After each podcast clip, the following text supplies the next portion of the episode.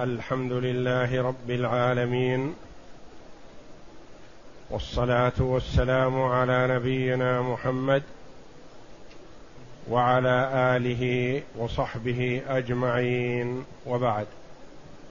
الله. بسم الله الرحمن الرحيم.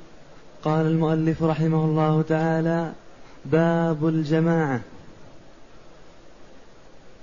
باب الجماعة. أي باب حكم صلاة الجماعة وبيان الأعذار المسقطة لوجوب الجمعة والجماعة وأحكام الإمامة والإئتمام وبيان الأشياء المخلة بصلاة الإمام وصلاة المأموم. نعم. الجماعة واجبة على الرجال لكل صلاة مكتوبة لما روى أبو هريرة رضي الله عنه أن رسول الله صلى الله عليه وسلم قال والذي نفسي بيده لقد هممت أن آمر بحطب فيحتطب ثم آمر بالصلاة ثم آمر بالصلاة ثم آمر رجالا فيؤم الناس. رجلا. رجلا فيؤم الناس. ثم أخالف إلى رجال لا يشهدون الصلاة فأحرق عليهم بيوتهم بالنار. متفق عليه. يقول رحمه الله الجماعة واجبة على الرجال. لكل صلاة مكتوبة. فالمرأة لا تجب عليها صلاة الجماعة. والوجوب للصلاة المكتوبة للصلوات الخمس الظهر والعصر والفجر والمغرب والعشاء والفجر. والصبيان لا تجب عليهم وإنما يستحب أمرهم بذلك. والدليل على وجوبها أي أن فاعلها مأجور وتارك الجماعة آثم.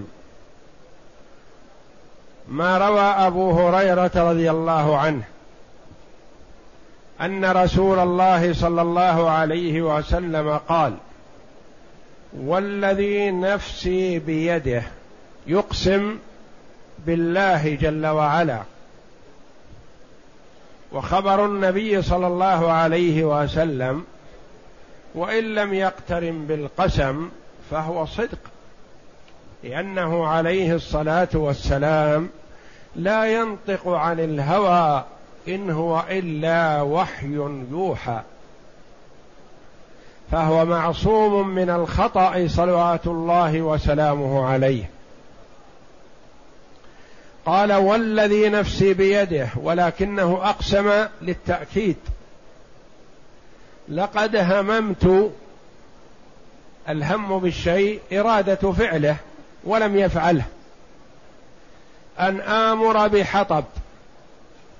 فيحتطب يعني يجمع. ثم آمر بالصلاة يعني تقام. ثم آمر رجلا فيؤم الناس لتقوم الحجة ليعلم أن من لم يحضر متخلف عن صلاة الجماعة. لا يحرق عليهم بيوتهم بالنار من حين الأذان لأنه قد يكون المرء متهيئ لصلاة الجماعة وقادم إليها. ثم أخالف إلى رجال لا يشهدون الصلاة فأحرق عليهم بيوتهم بالنار. دلالة على عظم جرم من تخلف عن صلاة الجماعة. لأن الرسول صلى الله عليه وسلم أرأف الناس بالأمة وأرحمهم بهم. فلا يحرق البيوت على من ترك سنة وإنما يحرق البيوت على من ترك واجب يعني من وقع في الإثم. دلالة على أن إثمه عظيم استحق أن يحرق بالنار. وفي هذا والله أعلم إشارة إلى أنه ما دام أنه هم بتحريقه في الدنيا في النار فهو مستحق لدخول النار في الدار الآخرة. فالرسول عليه الصلاة والسلام أراد تأديبه بالنار الدنيا قبل نار الآخرة. لعله يرعوي. لأنه عليه الصلاة والسلام لما جيء له أخبر بأن رجلا في الاحتضار. ويطلب منه شهادة لا إله إلا الله ويعجز. فقال النبي صلى الله عليه وسلم أحي من والديه أحد؟ قالوا نعم أمه. وهي غاضبة عليه. فأرسل إليها النبي صلى الله عليه وسلم فقال قولوا لها إما أن تأتي إلي وإما أن آتي إليها. فلما أخبرت قالت رسول الله صلى الله عليه وسلم أحق أن يؤتى. فذهبت إليه. فسألها عن ولدها فقالت إنها غاضبة عليه. فأمر من حوله قال اجمعوا لي حطب. فقالت ماذا تريد؟ قال أريد أن أحرقه. إلا إن سمحت له ورضيت عنه. فقالت أشهدك يا رسول الله أني قد رضيت عنه وسامحته عما مضى. فذهب إليه فإذا به ينطق بالشهادة. يشهد أن لا إله إلا الله عند احتضاره ومات عليها. فالنبي صلى الله عليه وسلم ما طلبها في أول الأمر أن تسامحه خشية أن تمتنع. وإنما حاول معها بشيء يؤثر عليها نفسيا. فقال أريد أن أحرق ابنك لأنك غاضبة عليه. إلا إن رضيت عنه تركته. فغضب الوالدين موجب للنار والعياذ بالله. كذلك ترك صلاة الجماعة موجب للنار لأنه ترك واجب. وفي رواية من رواية وهذا الحديث متفق عليه رواه البخاري ومسلم وأهل السنن. فهو حديث ثابت وليس فيه مبالغة ولا زيادة. وفي بعض روايات الحديث لولا ما في البيوت من النساء والذرية لفعلت. لأن الرسول عليه الصلاة والسلام قال في البيوت نساء لا تجب عليهم صلاة الجماعة وفيه أولاد لا تجب عليهم صلاة الجماعة. فإذا حرقت البيت على أهله شمل الجميع. فهو ترك هذا عليه الصلاة والسلام لأجل ما ينشأ عنه من عقاب من لا يستحق العقاب. وإلا تارك صلاة الجماعة يستحق أن يحرق بالنار في الدنيا. فكيف يقول قائل بعد هذا الكلام بأن صلاة الجماعة سنة؟ إن صليت فحسن وإن صليت في بيتك فلا إثم عليك. وقد ينقل عن بعض علماء السلف رحمهم الله أنهم قالوا صلاة الجماعة سنة. نقول نعم كلامهم هذا صحيح يعني أنها من سنة رسول الله صلى الله عليه وسلم. وليس المراد السنة في اصطلاح الأصوليين بأن السنة التي يثاب فاعلها ولا يعاقب تاركها لا يقولون يعاقب تارك صلاة الجماعة. وعلى حد قول عبد الله بن مسعود رضي الله عنه إن الله شرع لنبيكم سنن الهدى وإنهن من سنن الهدى. ولو أنكم صليتم في بيوتكم كما يصلي المتخلف في بيته لتركتم سنة نبيكم. ولو تركتم سنة نبيكم لضللتم. ولقد رأيتنا وما يتخلف عنها إلا منافق معلوم النفاق. وقد كان الرجل يؤتى به يهادى بين الرجلين حتى يقام في الصف.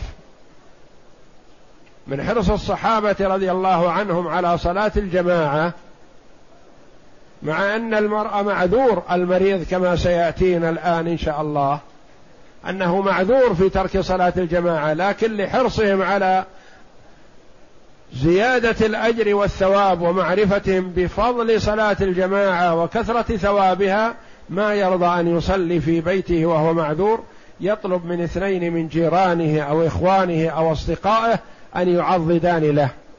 كل واحد يمسك بعضد ويخطيانه كما يخطى الطفل الصغير حتى يقيمانه في الصف.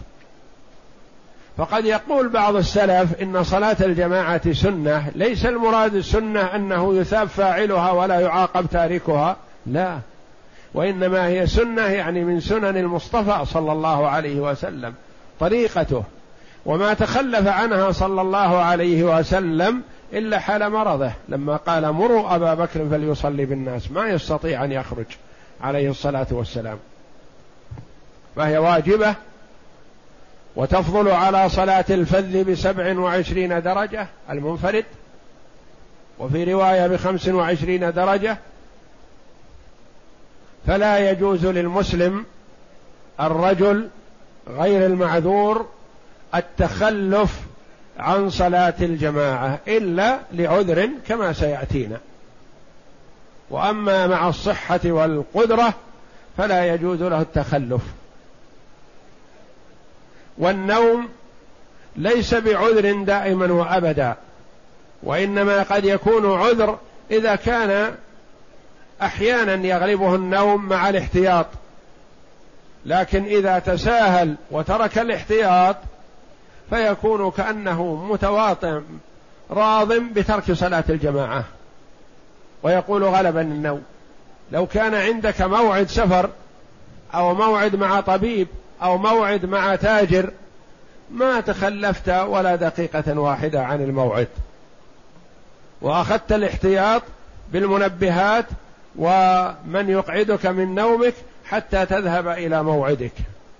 وإذا كان لك موعد مع ربك جل وعلا تتساهل به وتهمله يجب أن تحرص عليه أكثر مما تحرص على أي شيء يهمك.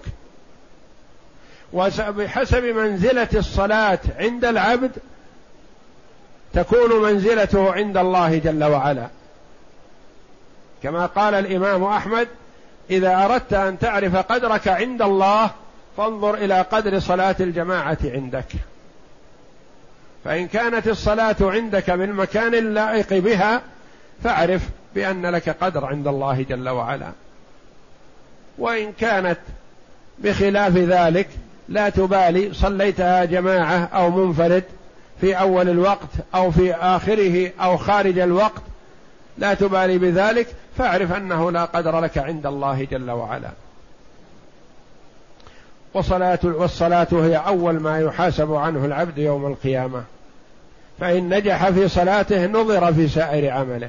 وإن لم ينجح في صلاته فلا ينظر في عمله لأنه لا فائدة منه. وكما قال الله جل وعلا عن الكفار ما سلككم في سقر. قالوا لم نكن من المصلين. والله جل وعلا قال واركعوا مع الراكعين. أدوا صلاة الجماعة مع المسلمين. وليست شرطا للصحة لصحة لقول النبي صلى الله عليه وسلم تفضل صلاة الجماعة على صلاة الفذ بخمس وعشرين درجة متفق عليه. وليست شرطا للصحة. عندنا واجب وعندنا شرط. الواجب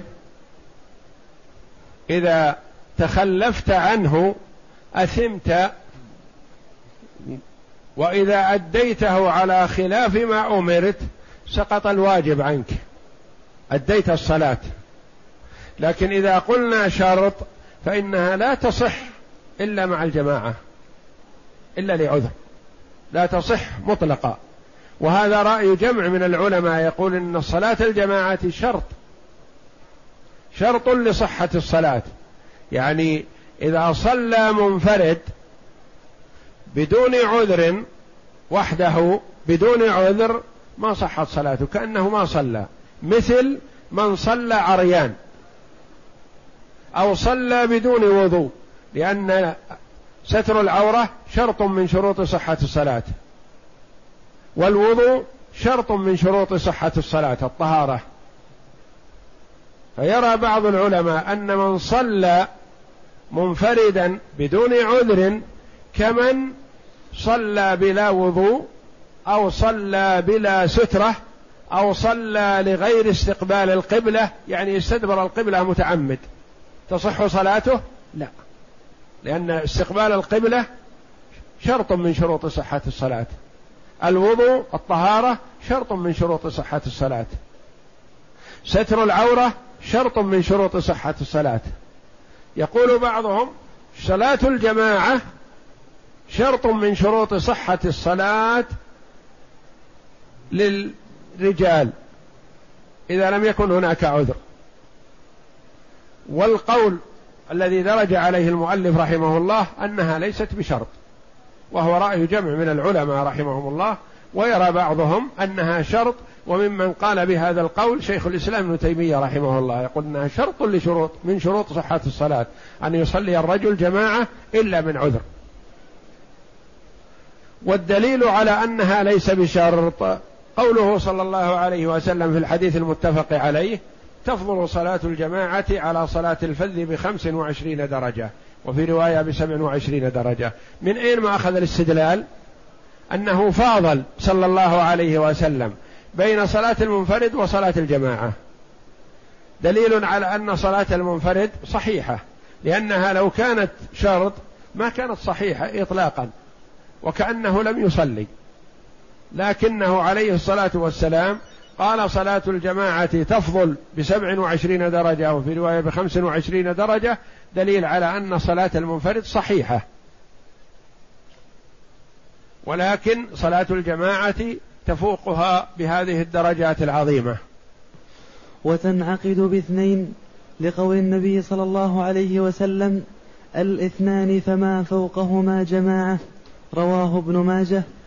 وتنعقد صلاة الجماعة يعني تحصل صلاة الجماعة باثنين الإمام والمأموم. تكون جماعة. لقوله صلى الله عليه وسلم في هذا الحديث الاثنان فما فوقهما جماعة. رواه ابن ماجه. نعم.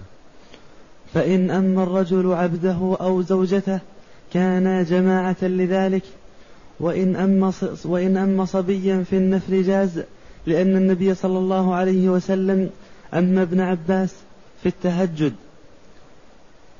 وإن أمه في فرض فقال أحمد لا يكون مسقطا له لأنه ليس من أهله. وعنه يصح كما لو أما رجلا متنفلا. فإن أما الرجل عبده يعني رقيقة أو زوجته كانا جماعة. فالمرء مثلا إذا فاتته صلاة الجماعة في المسجد ولم يجد من يصلي معه في المسجد وعاد إلى بيته وصلى جماعة بزوجته أو بأهل بيته من النساء. فحسن لأنها بهذه الصفة تحصل له فضيلة الجماعة. وبحسب حاله من قبل إن كان متساهل بصلاة الجماعة أو كان حريصا عليها ولكنها فاتته فوات الحرص فالله جل وعلا أعلم بحاله وبنيته. لكن صلاة الجماعة تحصل له فضيلتها بصلاته بزوجته أو بولده أو بأحد من أهل بيته. وإن أما صبيا في النفل صح. يعني صلاة جماعة نفل الإمام بالغ والمأموم صبي. الصلاة صحيحة وتحصل جماعة لأن النبي صلى الله عليه وسلم أما ابن عباس رضي الله عنه هما وهو صغير هو دون العشر. وقد صلى مع النبي صلى الله عليه وسلم وحده. ففي هذا دلالة على صحة صلاة الجماعة من بالغ وصبي. لكن هل تصح صلاة الفريضة؟ قولان. هذا الحديث نص في صلاة النفل. أن المرأة إذا صلى نفلا بصبي صلاته صحيحة وتحصل له صلاة الجماعة لكن إذا صلى فريضة بصبي قولان. الرواية الأولى أنها لا تصح ولا تصح صلاة الجماعة لأن الصبي ليس من أهل الجماعة. والقول الثاني أنها تصح لأنه وإن لم يكن من أهل الجماعة فإنه من أهل الصلاة. وقاسوه قالوا مثل ما لو كان الإمام مفترض والمأموم متنفل لأن صلاة المتنفل نافلة سنة ليست بفريضة. والنبي صلى الله عليه وسلم لما دخل رجل فاتته صلاة الجماعة قال من يتصدق على هذا؟ فقام أحد الحاضرين الذين قد صلوا فتصدق عليه يعني صلى معه. والظاهر والله أعلم الجواز والصحة أنه لا فرق بين النافلة والفريضة إلا بدليل. فما دام أنها صحت صلاة النافلة مع الصبي فكذلك تصح إن شاء الله صلاة الفريضة مع الصبي. فصل ويجوز فعلها في البيت والصحراء. لقول النبي صلى الله عليه وسلم أينما أدركتك الصلاة فصل فإنه مسجد متفق عليه. هذا مما فضل الله جل وعلا به هذه الأمة. كان من قبلنا لا يصلون إلا في أماكن عبادتهم في الكنائس والبيع ولا يصح أن يصلوا في أي مكان. فالله جل وعلا كرم هذه الأمة وأعطى نبيها عليه الصلاة والسلام ما لم يعط أحدا من الأنبياء وميزه بخمس كما قال صلى الله عليه وسلم. من هذه الخمس أن المرء أينما أدركته الصلاة والحمد لله يصلي. كل مكان صالح للصلاة إلا ما استثني مما تقدم كالمقبرة والحش ومعاطن الإبل ونحو ذلك من الأماكن التي لا تصح الصلاة فيها.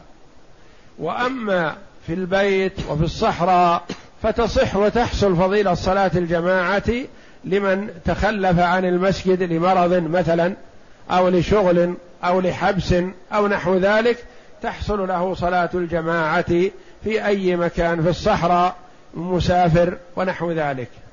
لقول النبي صلى الله عليه وسلم أينما أدركتك الصلاة فصل فإنه مسجد.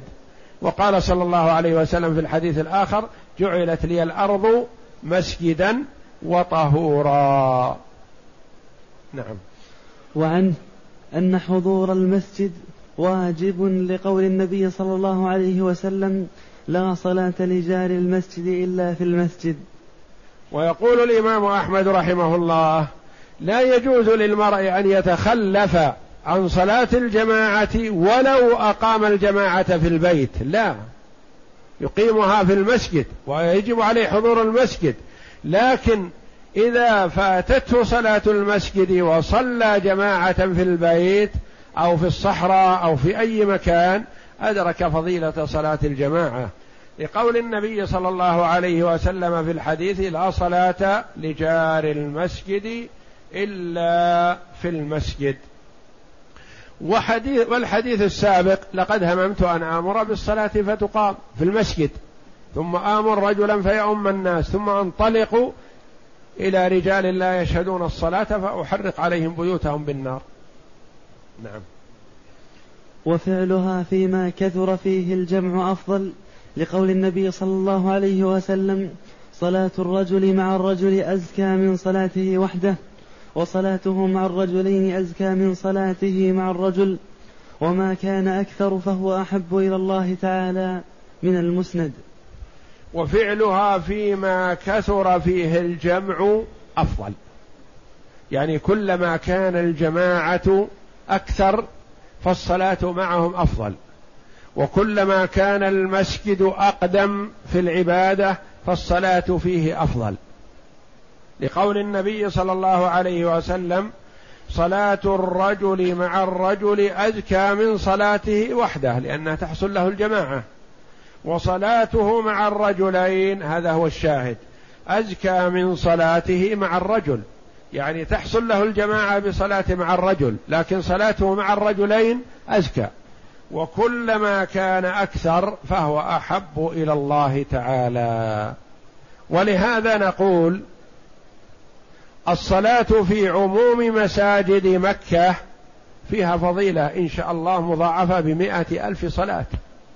لكن الصلاة في أي مسجد من مساجد مكة لا نقول إنها تماثل الصلاة في المسجد الحرام هذا. لأمور لا تحصل في المساجد الأخرى. كثرة المصلين والقرب من الكعبة وقدم المكان في العبادة. فالصلاة في المسجد الحرام هذا شرفه الله أفضل من سائر البقاع. وإن كانت الصلاة في عموم مساجد مكة مضاعفة بمائه ألف صلاة إن شاء الله كما قرر ذلك كثير من العلماء. نعم. وإن كان في جواره مسجد تخل الجماعة فيه تختل الجماعة فيه بغيبته عنه ففعلها فيه أفضل. وإن لم تختل بذلك وثم مسجد آخر فالعتيق أفضل لأن الطاعة فيه أسبق. وإن كان, وإن كان سواء فهل الأفضل قصد الأقرب أو الأبعد على روايتين؟ وإن كان نعم. وإن كان بجواره مسجد تختل الجماعة بغيبته. مثلا الرجل بجواره مسجد. جديد. ويبعد عنه مسجد قديم جامع. فيه كثير من الجماعة ومسجد هذا فيه جماعة قلة. نقول أيهما أفضل الصلاة في هذا المسجد القريب من بيته؟ أو المسجد القديم الأكثر جماعة البعيد عن بيته؟ نقول ننظر. إن كانت الجماعة التي بجوار بيته تختل بغيبته فنقول صل معهم حتى تشجعهم وتكثرهم وتعزمهم وتقويهم. ولا تذهب إلى المسجد البعيد الأفضل. وإن كان لا تأثير له في المسجد فأيهما أفضل؟ نقول المسجد الذي فيه جماعة أكثر أفضل. والمسجد الذي في أبعد أفضل لكثرة الخطى التي يخطوها إلى المسجد. وإن كان سواء فهل الأفضل قصد الأقرب أم الأبعد؟ يقول على روايتين. رواية تقول الأقرب أفضل. لما؟ لأنه ربما فقدك جيرانك. وربما وجد من يسيء الظن فيك. يقول فلان لا يحضر صلاة الجماعة أو لا يصلي معنا. فمداراة لهذا ولئلا يعرض المرء نفسه للغيبة نقول صل مع جيرانك وإخوانك ومن حولك. وكما قال صلى الله عليه وسلم رحم الله امرأ كف الغيبة عن نفسه. وإن كان لا تأثير لهذا جماعتك لا يفقدونك. وإن فقدوك فهم لا يسيئون الظن فيك. فإذا صليت في الأبعد فذلك أكثر خطأ. ولا حرج في هذا. إنه أعلى للكلمة وأوقع للهيبة. وإن كان البلد ثغرا يعني على الحدود على الحدود الإسلامية بين المسلمين والكفار. فالأفضل أن يجتمع أهل الثغر ما أمكن في مسجد واحد أو في مسجدين ولا تتعدد المساجد. ولا يصلي كل عشرة أو خمسة عشر بجوار منازلهم في مسجدهم. الأفضل أن تجمع المساجد كلها في مسجد واحد. لما؟ قال لأنه أعلى للكلمة وأوقع للهيبة.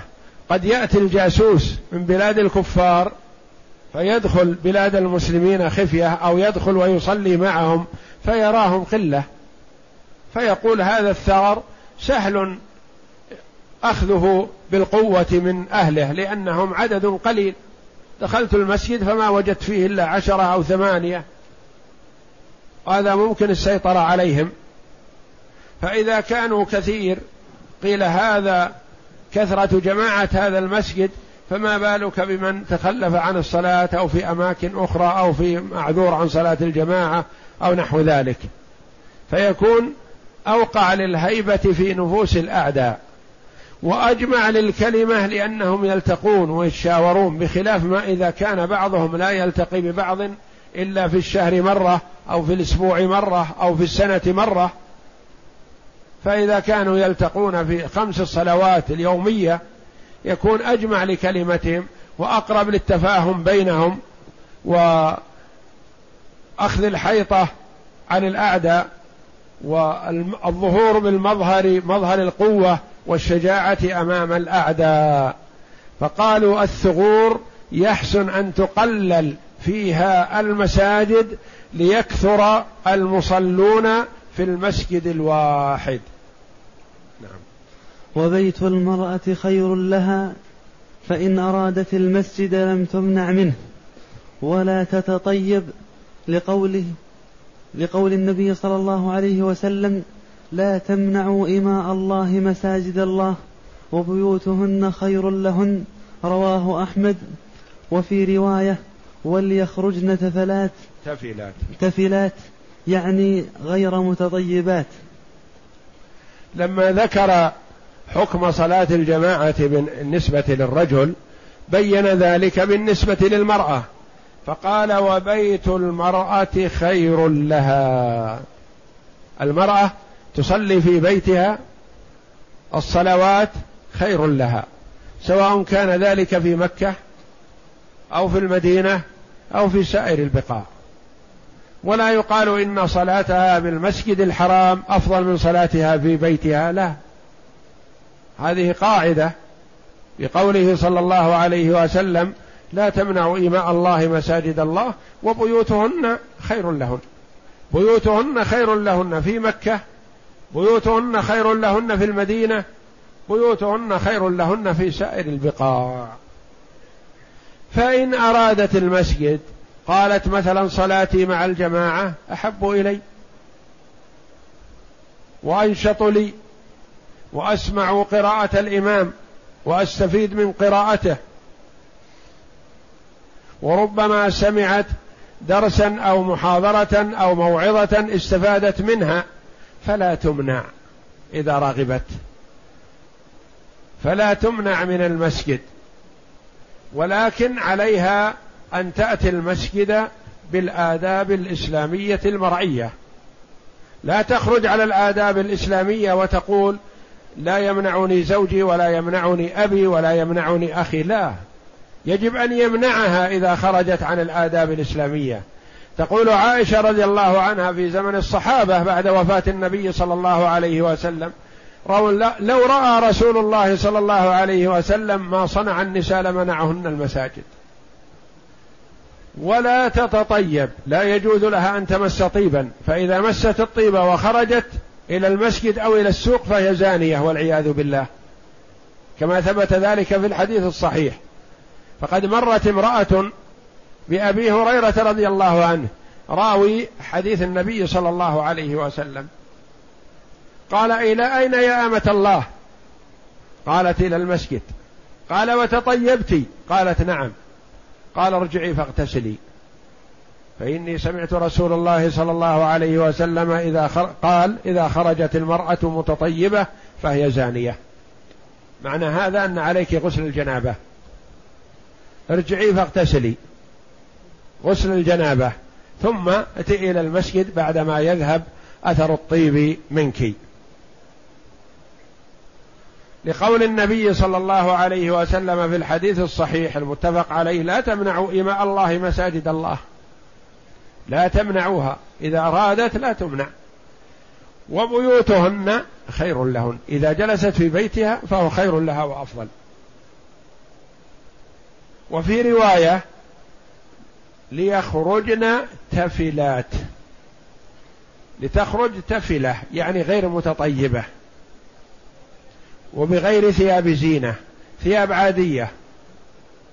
لا تلفت النظر لجمالها ولا تلفت النظر لقبحها ودمامتها وإنما تكون متوسطة ثياب ساترة غير ملفتة للنظر لأن المرأة إذا خرجت بثياب جميلة استشرفها الرجال ورأوها وعلقوا أبصارهم بها وتابعوها وإذا خرجت بثياب رثة وربما يكون قد بدا منها بعض عورتها فكذلك تنظر وتلفت النظر وإنما إذا خرجت بثياب عادية متوسطة الحال. لا جميلة ولا قبيحة. لا كاشفة عن شيء من العورة ولا مظهرة لزينة. حينئذ لا تلفت النظر. وليخرجن تفلات أي غير متطيبات ولا لابسات ثياب زينة. أما إذا خرجت بثياب زينة أو خرجت متطيبة فهي كما قال أبو هريرة رضي الله عنه هي زانية والعياذ بالله إذا خرجت متطيبة إلى المسجد لأن المسجد حق الرجال فهي ذهبت كأنها لتفتنهم لتشغلهم عن صلاتهم وعبادتهم وتكون والعياذ بالله حبيلة من حبائل الشيطان يحبل بها الشيطان وهي تسوق نفسها إلى المسجد كأنها تريد الصلاة وتريد العبادة وتريد التقرب إلى الله جل وعلا وهي قد استشرفها الشيطان وركب على كتفيها وساقها من أجل أن تفتن عباد الله المصلين الصائمين. فيحرم على المرأة أن تشغل الرجال أو أن تزاحمهم في مساجدهم. ويجب عليها أن تصلي في الصفوف المؤخرة كما قال عليه الصلاة والسلام. خير صفوف الرجال أولها وشرها آخرها وخير صفوف النساء آخرها وشرها أولها. فهي إذا تقدمت إلى الصفوف المقدمة وقعت في الشر.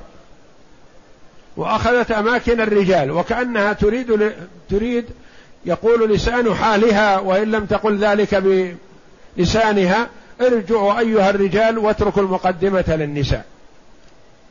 فيحرم على المرأة أن تضايق الرجال أو أن تزاحمهم أو أن تؤذيهم برائحتها الطيبية أو بملابسها الجميلة وإنما عليها أن تخرج متسترة متأدبة بالآداب الإسلامية وتلزم الصفوف المؤخرة لتحصل على الأجر والفضل من الله جل وعلا. فهي جاءت تريد الثواب. لا تكن حبيلة للشيطان يحبل بها عباد الله الصالحين الصائمين. فلتحذر كثير من النساء يأتين للفتنة. يأتين يؤذين الرجال بقربهن منهم ومزاحمتهم في الطواف وعند الحجر الأسود وغير ذلك من الأماكن. ولا بأس أن تصلي المرأة بالنساء لأن النبي صلى الله عليه وسلم أذن لأم ورقة أن تؤم أهل دارها رواه أبو داود. ولا بأس أن تصلي المرأة بالنساء يعني تكون إمامة. ولا يكون معها أحد من الرجال خلفها وإنما تكون إمامة للنساء. وإذا أمت المرأة النساء تكون وسطهن لا تتقدم عليهن وإنما تكون في الوسط. ويكون الصف الأول على يمينها وعلى شمالها. لأن النبي صلى الله عليه وسلم أذن لأم ورقة أن تؤم أهل دارها يعني تصلي بهم الفرائض. نعم. فصل ويعذر في ترك الجماعة والجمعة ثمانية أشياء. المرض لما روى ابن عباس أن النبي صلى الله عليه وسلم قال من سمع النداء فلم يجبه فلا صلاة له إلا من عذر. قالوا يا رسول الله وما العذر؟ قال خوف أو مرض. رواه أبو داود. ويعذر في ترك صلاة الجماعة والجمعة من الرجال من كان له عذر من ثمانية أعذار. الأعذار المسقطة للجمعة والجماعة ثلاثة ثمانية. من كان له واحد منها فهو معذور بترك الجمعة والجماعة. الأول المرض. بدليل أن النبي صلى الله عليه وسلم لما مرض وعجز أن يصل إلى الصف قال عليه الصلاة والسلام مروا أبا بكر فليصلي بالناس. فلم يخرج صلى الله عليه وسلم لصلاة الجماعة و وهو في حجرة عائشة رضي الله عنها وحجرة عائشة ملاصقة للمسجد لكنه ما استطاع أن يصل إلى الصف عليه الصلاة والسلام فتخلف عن صلاة الجماعة. فأخذ من هذا أن المريض يعذر في التخلف عن صلاة الجماعة وأن المريض إذا تحامل وحمل نفسه وحضر لصلاة الجماعة فهو خير له كما قال عبد الله بن مسعود ولقد كان الرجل يؤتى به يهادى بين الرجلين حتى يقام في الصف فإذا كان المرء مريض فهو معذور لقوله صلى الله عليه وسلم من سمع النداء فلم يجبه المراد بالنداء الأذان. فلا صلاة له إلا من عذر. إن كان له عذر فصلاته صحيحة وإن لم يكن له عذر فلا صلاة له كما قال عليه الصلاة والسلام. قالوا يا رسول الله وما العذر؟ ما هو الذي يعذر عن ترك صلاة الجماعة؟ قال خوف أو مرض. المرض عذر في التخلف عن صلاة الجماعة. الثاني الخوف. نعم. والخوف لهذا الحديث وسواء خاف على نفسه من سلطان أو من لص أو سبع أو غريم يلزمه ولا شيء معه يعطيه أو على ماله من تلف أو ضياع أو سرقة أو يكون له دين على غريم يخاف سفره أو وديعة عنده إن تشاغل بالجماعة مضى وتركه أو يخاف شرود دابته أو احتراق خبزه أو طبيخه أو ناطوره وبستان أو ناطور بستان. أو ناطور بستان يخاف سرقه شيء منه أو مسافر يخاف فوت رفقته أو يكون له مريض يخاف ضياعه أو صغير أو حرمة يخاف عليها. الثاني من الأعذار المسقطة للجمعة والجماعة الخوف. والخوف كلمة عامة واسعة. خاف من ماذا؟ خاف على نفسه من سلطان جائر. ومثله نواب السلطان من شرطة أو غيرها تتعدى عليه بغير حق. أو لص خاف من إنسان يترصد له ليقتله أو ليضربه. أو سبع كان بينه وبين المسجد سبع مفترس ذئب أو أسد أو نحوه من السباع المفترسة. أو غريم يلزمه ولا شيء معه يعطيه. مدين والغريم يترصد له. إن خرج أمسكه. وألزمه بالدفع فإذا لم يدفع سجنه. فإن كان قادر على الدفع فلا يجوز له التخلف عن صلاة الجماعة. ويحرم عليه التخلف ويجب أن يعطي الحق صاحبه. لقوله صلى الله عليه وسلم مطل الغني ظلم يحل عرضه وعقوبته. عقوبته حبسه وعرضه سبه. أما إذا كان مدين وليس عنده سداد ويخشى إن خرج أن يمسكه غريمه. فيسكنه أو يؤذيه وهو لا يملك شيء. وهو معسر. والله جل وعلا يقول وإن كان ذو عسرة فنظرة إلى ميسرة. المعسر لا يجوز أن يؤذى. ما دام لا يستطيع لا يكلف الله نفسا إلا وسعها. أو سبعا أو غريم يلزمه ولا شيء معه يعطيه. ما يستطيع أن يعطيه حقه. أو على ماله من تلف. يخاف على ماله الذي بين يديه من تلف. يخاف عليه من غريق. يخاف عليه من حرق. يخاف عليه من سرقة. أو ضياع. أو سرقة. عنده مال ليس له حارس وليس له حصن. ما هو محرز. ويخاف عليه من السرقة. أو يكون له دين على غريم يخاف سفره. يعني هو ماسك بغريمه هو له الحق والمدين يخاف أن يسافر فيتركه ولا يعطيه حقه فيلزم غريمه من أجل أن يعطيه حقه.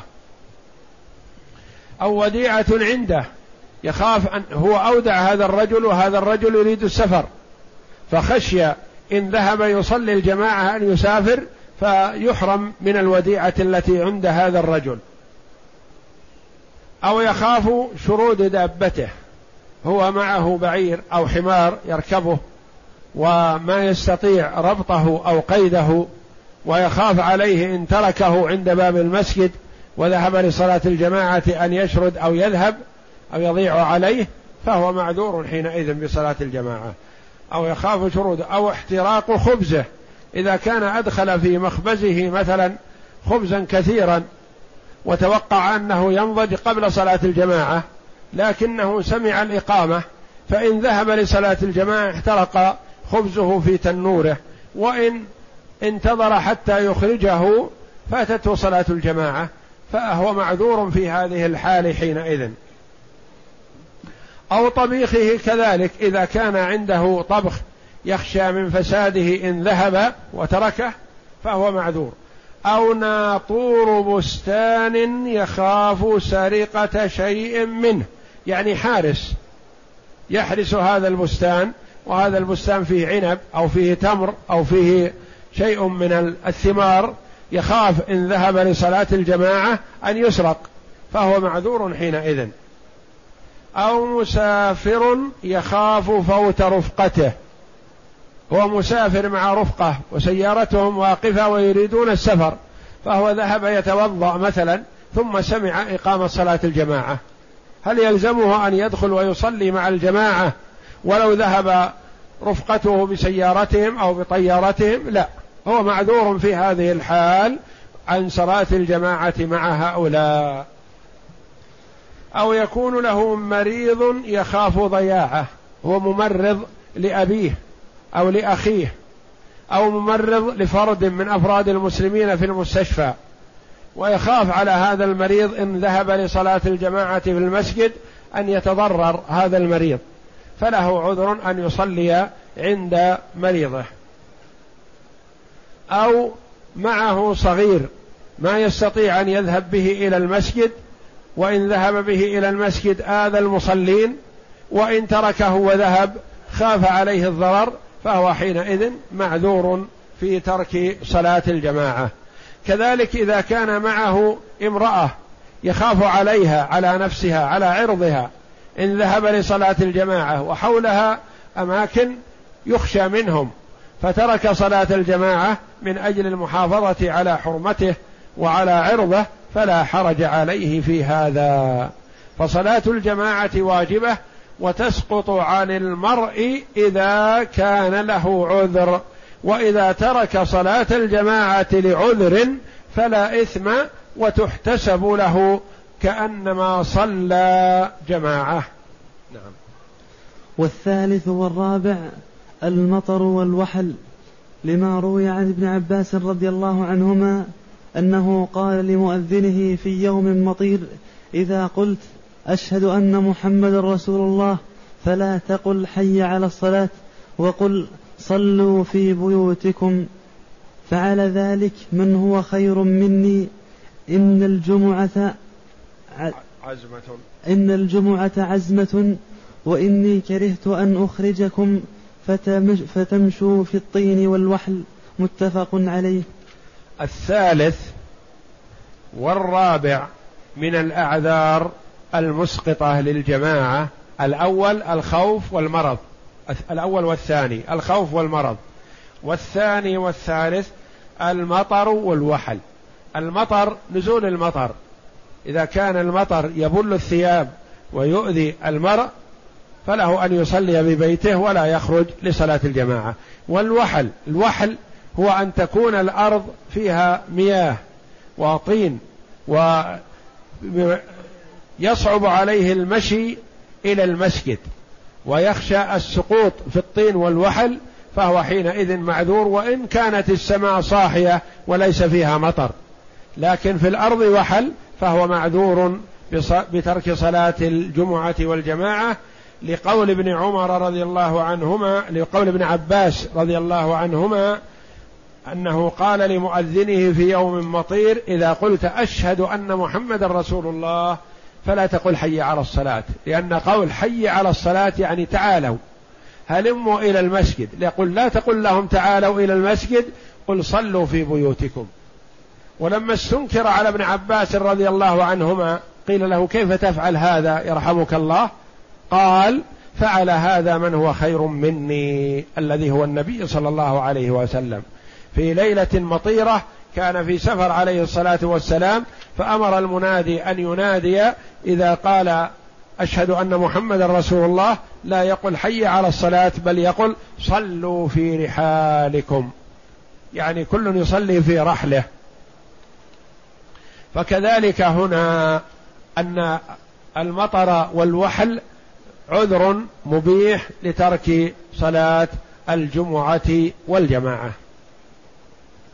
والخامس الريح الشديدة في الليلة المظلمة الباردة وهذا يختص الجماعة لما روي أن لما روى ابن عمر رضي الله عنهما أن رسول الله صلى الله عليه وسلم كان يأمر مناديا فيؤذن ثم يقول على إثر ذلك ألا صلوا في الرحال في الليلة الباردة أو المطيرة في السفر متفق عليه. الخامس هذا عذر في ترك صلاة الجماعة وليس عذر في ترك صلاة الجمعة لأن العذر الخامس الريح الشديدة في الليلة المظلمة وهذا ما يتأتى مع صلاة الجمعة لأن الجمعة أولا لا تكون في الليل في الظلام. ثانيا المسافر ليس عليه جمعة. وإنما الريح الباردة الشديدة شديدة البرودة إذا كان في السفر أو في الحضر وفيه ظلام فحينئذ هي عذر مبيح لترك صلاة الجماعة. نعم. السادس أن يحضر الطعام ونفسه تت ونفسه تتوق إليه. السادس من الأعذار المبيحة لترك صلاة الجمعة والجماعة إذا كان جائع وحضر طعام شهي ورآه بنفسه فله أن يأكل منه حتى يشبع لأنه مأمور بصلاة الجماعة الإقبال على صلاته والخشوع في صلاته والتأني في صلاته. فإذا كانت نفسه تتوق إلى طعام وهو جائع جوعا شديدا فهو لن يطمئن في صلاته وربما نقرها أو إن كان مع إمام فهو يتضايق ويستطيل صلاة الإمام. فلذا عذر في ترك الجمعة والجماعة حينئذ في هذه الحال وهذا إذا كان في شوق إلى الطعام. أما إذا كان طعام عادي يعني ليس في حالة جوع شديد فليس بعذر لترك صلاة الجمعة والجماعة. نعم. السابع أن يدافع الأخبثين أو أحدهما لما روت عائشة رضي الله عنها قالت سمعت رسول الله صلى الله عليه وسلم يقول لا يصلي أحدكم بحضرة الطعام ولا وهو يدافع الأخبثين. رواه مسلم. السابع أن يدافع الأخبثين. ما المراد بالأخبثين؟ البول والغائط. يعني إذا كان حاق أو حاقب. لما روت عائشة رضي الله عنها قالت سمعت رسول الله صلى الله عليه وسلم يقول لا يصلي أحدكم بحضرة الطعام. هذا دليل للأمر السادس السابق. ولا وهو يدافع الأخبثين دليل للسابع. رواه مسلم. ومدافعة الأخبثين لا يخلو. إن كان لا يدري ما يقول في صلاته وفي حالة حصر شديد فالصلاة غير صحيحة حينئذ. حتى لو صلى فصلاته غير صحيحة لهذا الحديث. لا صلاة لا يصلي أحدكم منهي عن الصلاة. لكن إذا كان في غير شدة هو في حاجة إلى استخراج البول أو الغائط لكن ليس في حال شدة فتصح صلاته حينئذ. نعم. الثامن أن يكون له قريب يخاف موته ولا يحضره لما روي لما روي أن ابن عمر رضي الله عنهما استصرخ على سعيد بن زيد وقد تجمر للجمعة فذهب إليه وتركها. الثامن أن يكون له قريب يخاف موته ولا يحضره. أو صديق أو رفيق أو جار ونحو ذلك. يعني مثلا يكون هذا المريض عنده من يمرضه. هذا يختلف عن الحال السابقة التي هي التمريض. التمريض الملازم للمريض. لكن إذا كان المريض عنده ملازمه عنده مريض لكنه يحب أن يحضره فلان. أو فلان من الناس يحب أن يحضر عند هذا المريض المحتضر. فلا حرج عليه في هذه الحال أن يذهب إلى مريضه الذي في حال احتضار ويترك صلاة الجمعة والجماعة. يصلي الجمعة ظهرا ويصلي الجماعة الوقت منفرد. بدليل لما روي أن ابن عمر ابن عمر رضي الله عنه هو المعروف بقوة تمسكه بسنة رسول الله صلى الله عليه وسلم وعدم تخلفه. استصرخ يعني أنودي بسرعة على سعيد بن زيد. سعيد بن زيد بن عمرو بن نفيل رضي الله عنه أحد العشرة المبشرين بالجنة وكان ساكنا بالعقيق حول المدينة. فأخبر ابن عمر وقد تجمر يعني تطيب وتهيأ وتبخر لماذا؟ ليذهب للصلاة الجمعة. فأخبر بأن سعيد بن زيد في حال احتضار. فذهب إليه في العقيق يعني خارج المدينة رضي الله عنه وحضره وترك صلاة الجمعة. وسعيد بن زيد هذا رضي الله عنه أحد العشرة المبشرين بالجنة وصاحب رسول الله صلى الله عليه وسلم ومن كبار الصحابة رضي الله عنهم السابقين إلى الإسلام. وكان من المجاهدين في سبيل الله وقد أرسله النبي صلى الله عليه وسلم في غزوة بدر ليرى العير التي أقبلت من الشام لقريش. ويأتي النبي صلى الله عليه وسلم بالخبر. ثم جاء الخبر إلى النبي صلى الله عليه وسلم قبل أن يصل سعيد بن زيد ومن معه. فحصلت وقعة بدر ولم يكن حاضر لأن الرسول أرسله قبل الوقعة. فضرب له النبي صلى الله عليه وسلم بسهم واعتبره من الحاضرين وقعة بدر رضي الله عنه وأرضاه. وكان من المجاهدين في سبيل الله وهو أول من تولى إمارة دمشق في العهد الإسلامي رضي الله عنه. لأنه فتحها مع عبيدة أبي عبيدة بن الجراح رضي الله عنهم فأمره أبو عبيدة على دمشق. فكان أول أمير على دمشق في العصر الإسلامي رضي الله عنه وأرضاه. ويكفيه أن الرسول صلى الله عليه وسلم بشره بالجنة ومات عنه وهو راض عليه الصلاة والسلام.